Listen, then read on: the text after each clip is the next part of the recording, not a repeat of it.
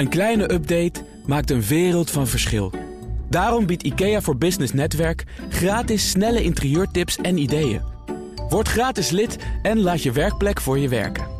IKEA, een wereld aan ideeën.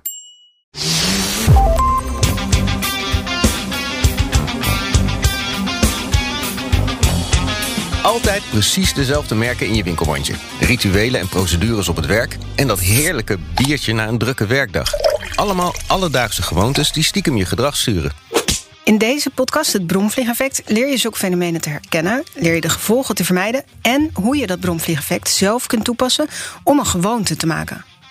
Ik ben Eva van den Broek, gedragseconoom. En ik ben Tim den Heijer, reclamemaker. En ik zeg daar gewoontegetrouw weer bij. En samen met Eva ben ik auteur van het boek Het Bromvliegeffect. Gewoontegetrouw, want daar gaan we het vandaag over hebben. Gewoontes en de vele bromvliegen die daarmee te maken hebben. Yes. Want gewoontes zijn hardnekkig en daar maken marketeers bijvoorbeeld gretig gebruik van. En goede gewoontes, zijn die eigenlijk aan te leren?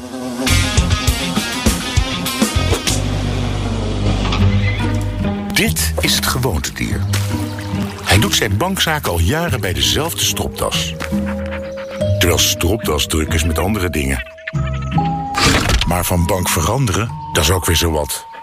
De stropdas financiert de zaken... Dit is een mooie commercial, maar hij toont ook aan hoe we in onze samenleving naar gewoontes kijken. Cabaretiers maken vaak grappen over vastgeroeste mensen die altijd maar hetzelfde doen. En bands maken prachtige liedjes over hoe tragisch je leven eigenlijk is als het altijd maar hetzelfde is. The same nasty stain next to same old what's his name on his way to the same place with the same name.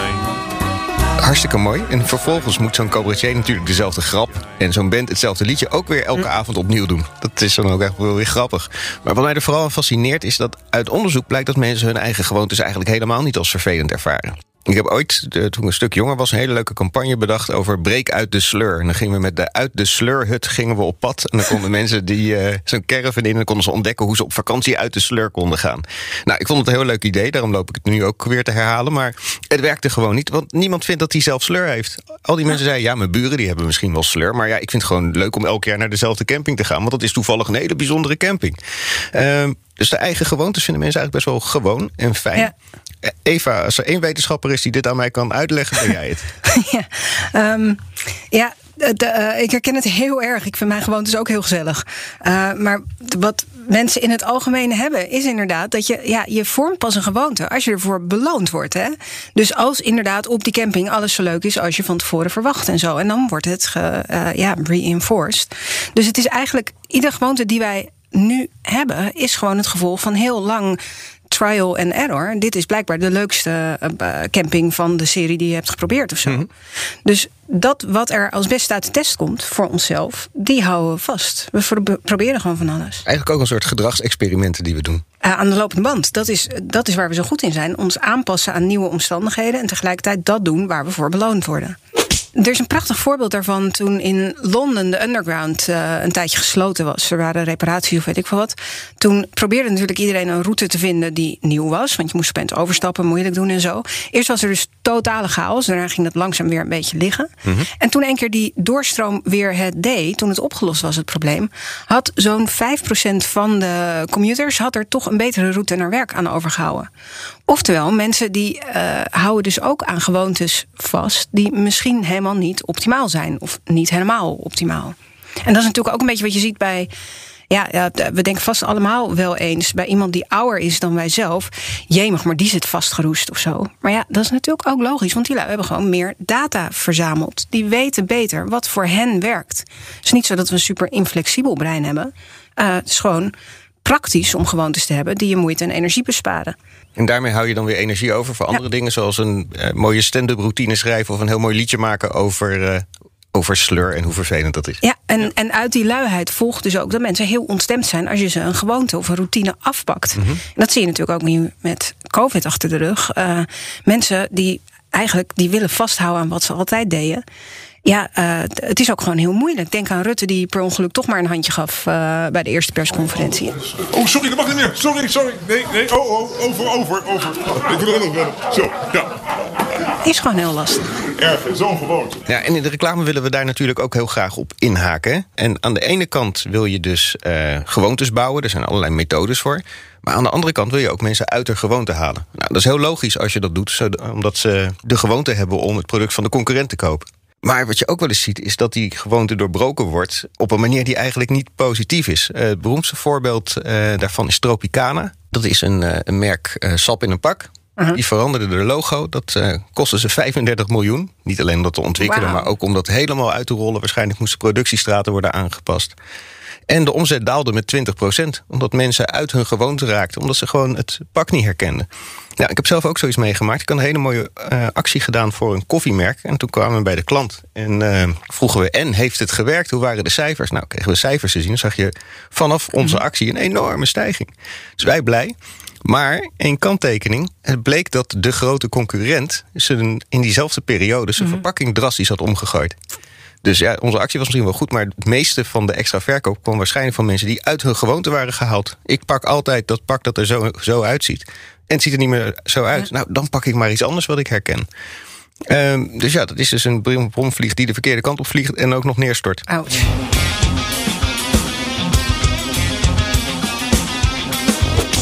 Er zijn natuurlijk ook allemaal vakgenoten van jou, en je doet het vast zelf ook, die, die ervaring hebben juist met dat opbouwen inderdaad van gewoontes en van loyaliteit. Dus ja, inderdaad, van die loyalty-programma's en air miles en spaarpunten. Ja, klopt. Uh, ja, zeker zo jaren 90, jaren 0 was loyalty heel erg groot in de reclamebranche. Ja. Focus op het behouden van die klanten. En het grappige is dat eigenlijk mechanismes die we daar gebruikten echt zo oud zijn als de maatschappij zelf. Ja. Want we hebben natuurlijk altijd geprobeerd om elkaar loyaal te maken en om als mensen zich goed gedragen, zich ook goed het te zorgen dat ze zich goed blijven gedragen. Als je lang bij een club hoort of zo. Bijvoorbeeld, je krijgt een bos bloemen als je 20 jaar in dienst ja. bent. Of inderdaad, waar wij het wel eerder over hebben gehad. Uh, misschien wel je bronzen of je zilver of je gouden huwelijk. Dat is eigenlijk een hele klassieke vorm van uh, de badge die je in een game krijgt. Die zegt, uh, hey, je hebt nu zoveel dagen heb je achter elkaar gespeeld. Ja, ja.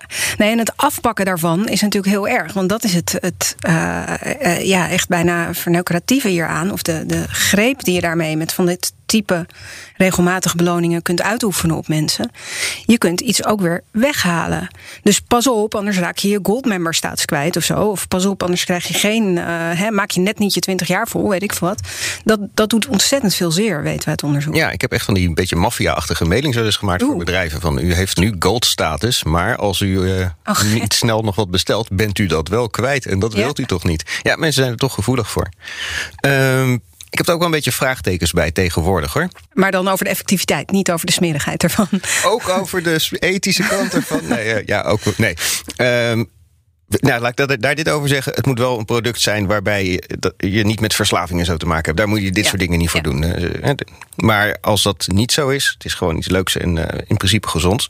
Dan is de grote vraag: is het business-wise nou slim? Mm -hmm om uh, heel veel geld uit te geven om bestaande klanten die al een gewoonte hebben in die gewoonte te houden, waar ze misschien wel in zouden blijven.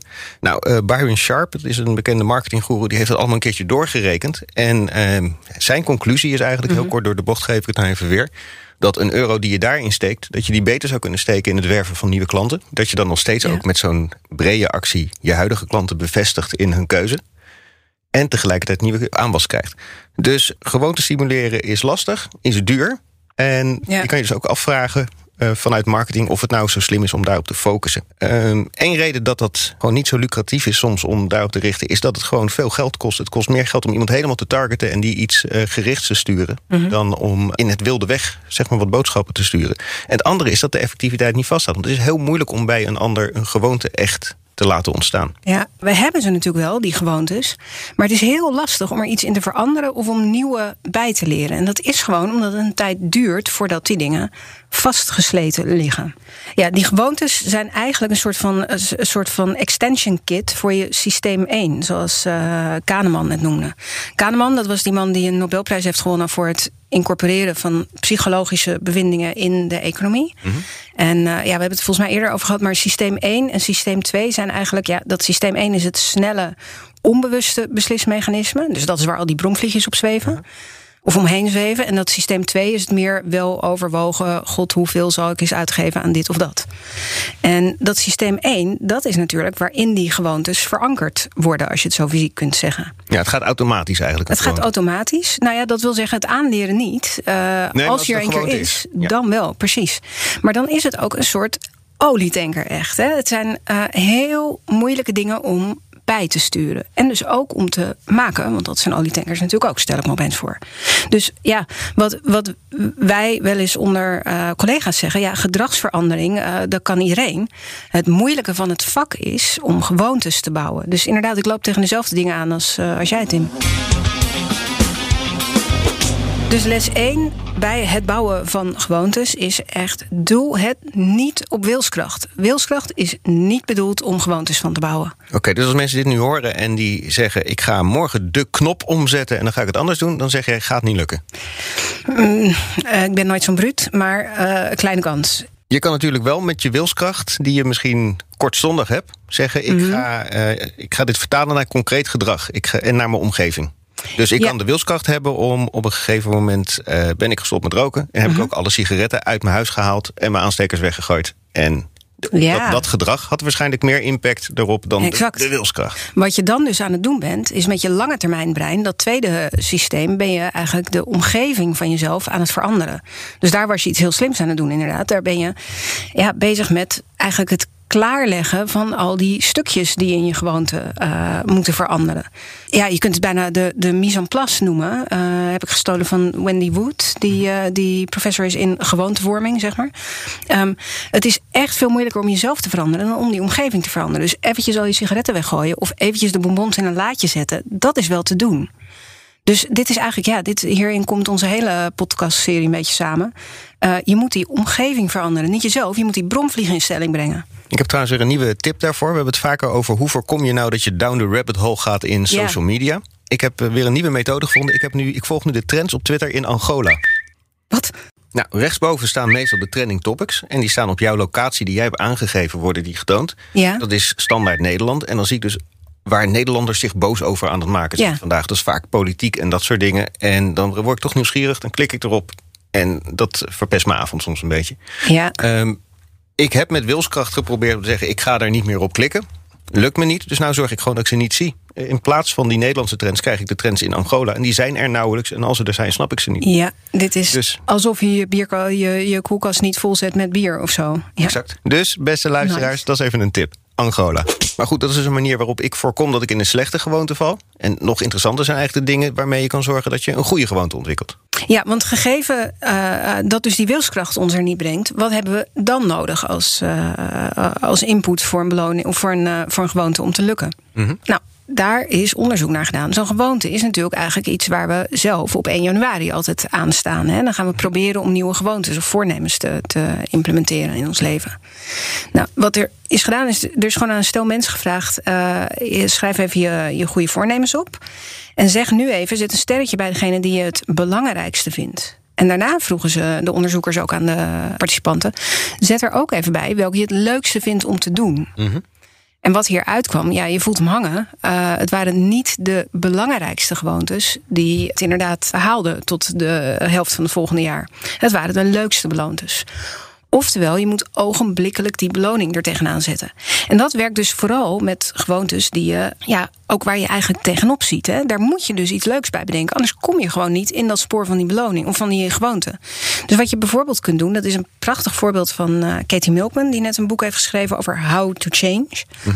En wat zij zegt is ja, temptation bundling, een vakterm, maar betekent gewoon terwijl je naar de sportschool gaat, eh, kijk je naar je favoriete tv-serie of Netflix-serie.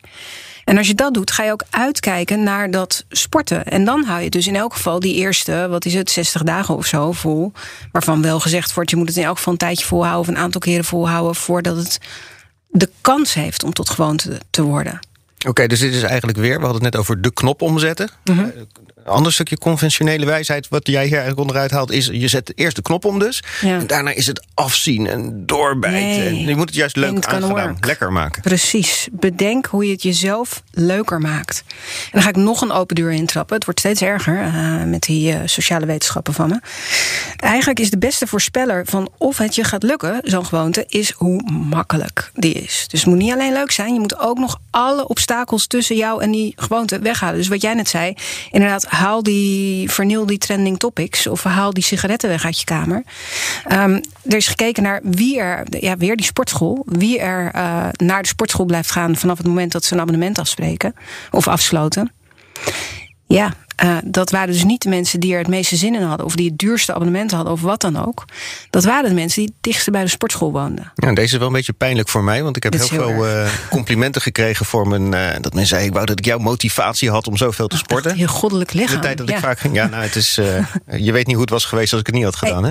Maar in elk geval, ik woon echt heel vlak, echt vlak bij de sportschool. En ik, pre-corona ging ik ook Ja. makkelijk vier keer per week of zo. Ja. Maar dat was dus niet mijn ijzeren wilskracht die de doorslag gaf. Nee, dan wordt dus- dat hij om de hoek zit. Precies, dan wordt de harde test, wordt, eh, wat gebeurde er eh, tijdens en na corona, zoals maar voor veel van ons. Als hij nou toch wat verder weg zit, eh, wat kan je dan doen? Stel dat je ver weg woont, dan moet je, of dat er dus obstakels staan tussen jou en de gewoonte die je aan het kweken bent, dan moet je heel goed nadenken wat er gebeurt als je zo'n obstakel tegenkomt. Dus je moet eigenlijk het plan al uitwerken voor dat obstakel. Dus in plaats van ik ga vanaf nu één keer per week sporten, zeg je.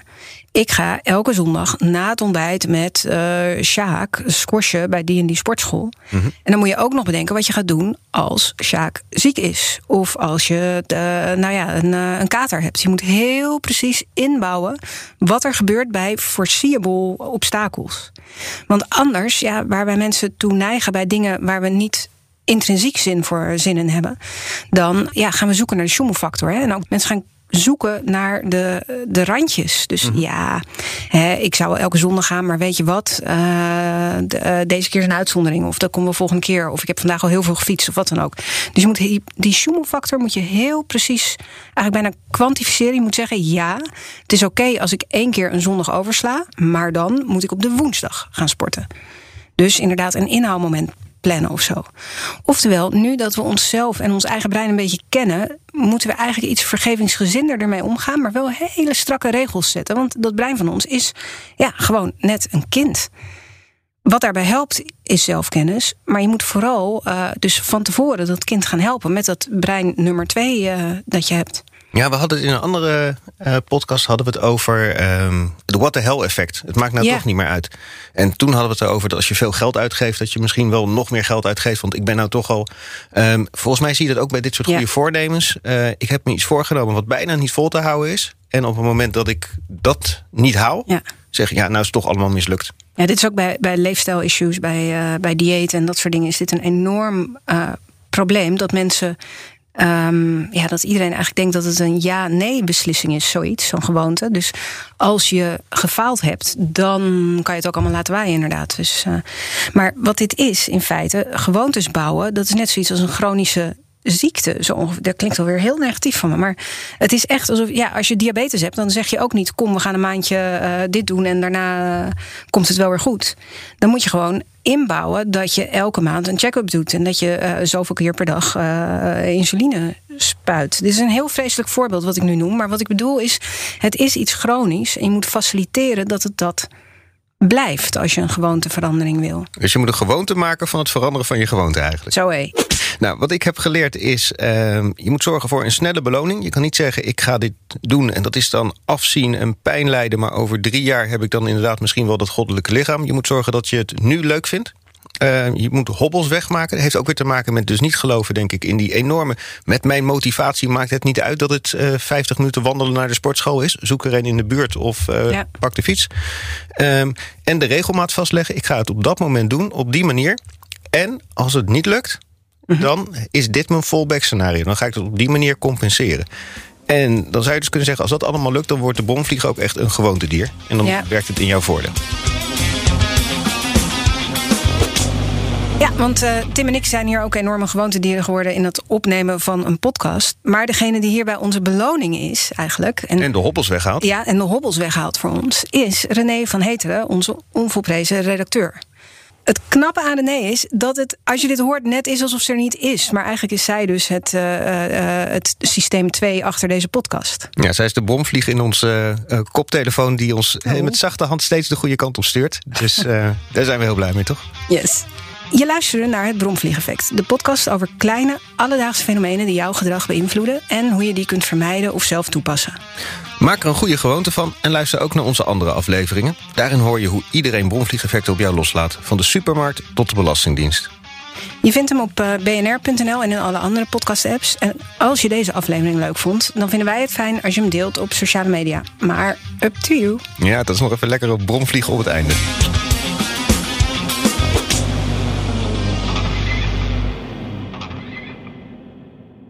Een kleine update maakt een wereld van verschil.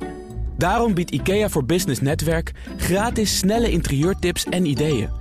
Word gratis lid en laat je werkplek voor je werken. IKEA, een wereld aan ideeën.